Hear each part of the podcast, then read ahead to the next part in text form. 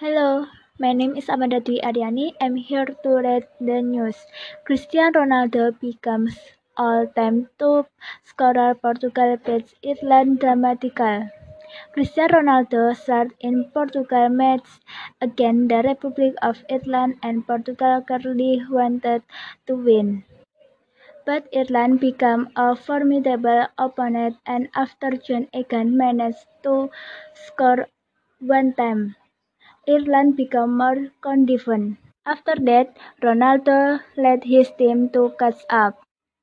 Finally, Ronaldo managed to score one goal from the Irish goal and it was irresistible when Ronaldo broke the international top scorer record with 101 goals. Not only that, Ronaldo also managed to score one more goal to change the score to 1. Overseas tuition fees are more affordable through Pathway program. Jakarta studying abroad to certainly everyone dreams.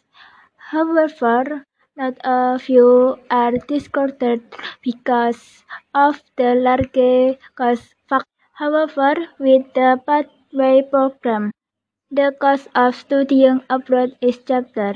This program also allows students to study at leading universities such as the University of Queensland, Queensland University of Technology in Australia, and they will be equipped with an international curriculum to become excellent and independent creators.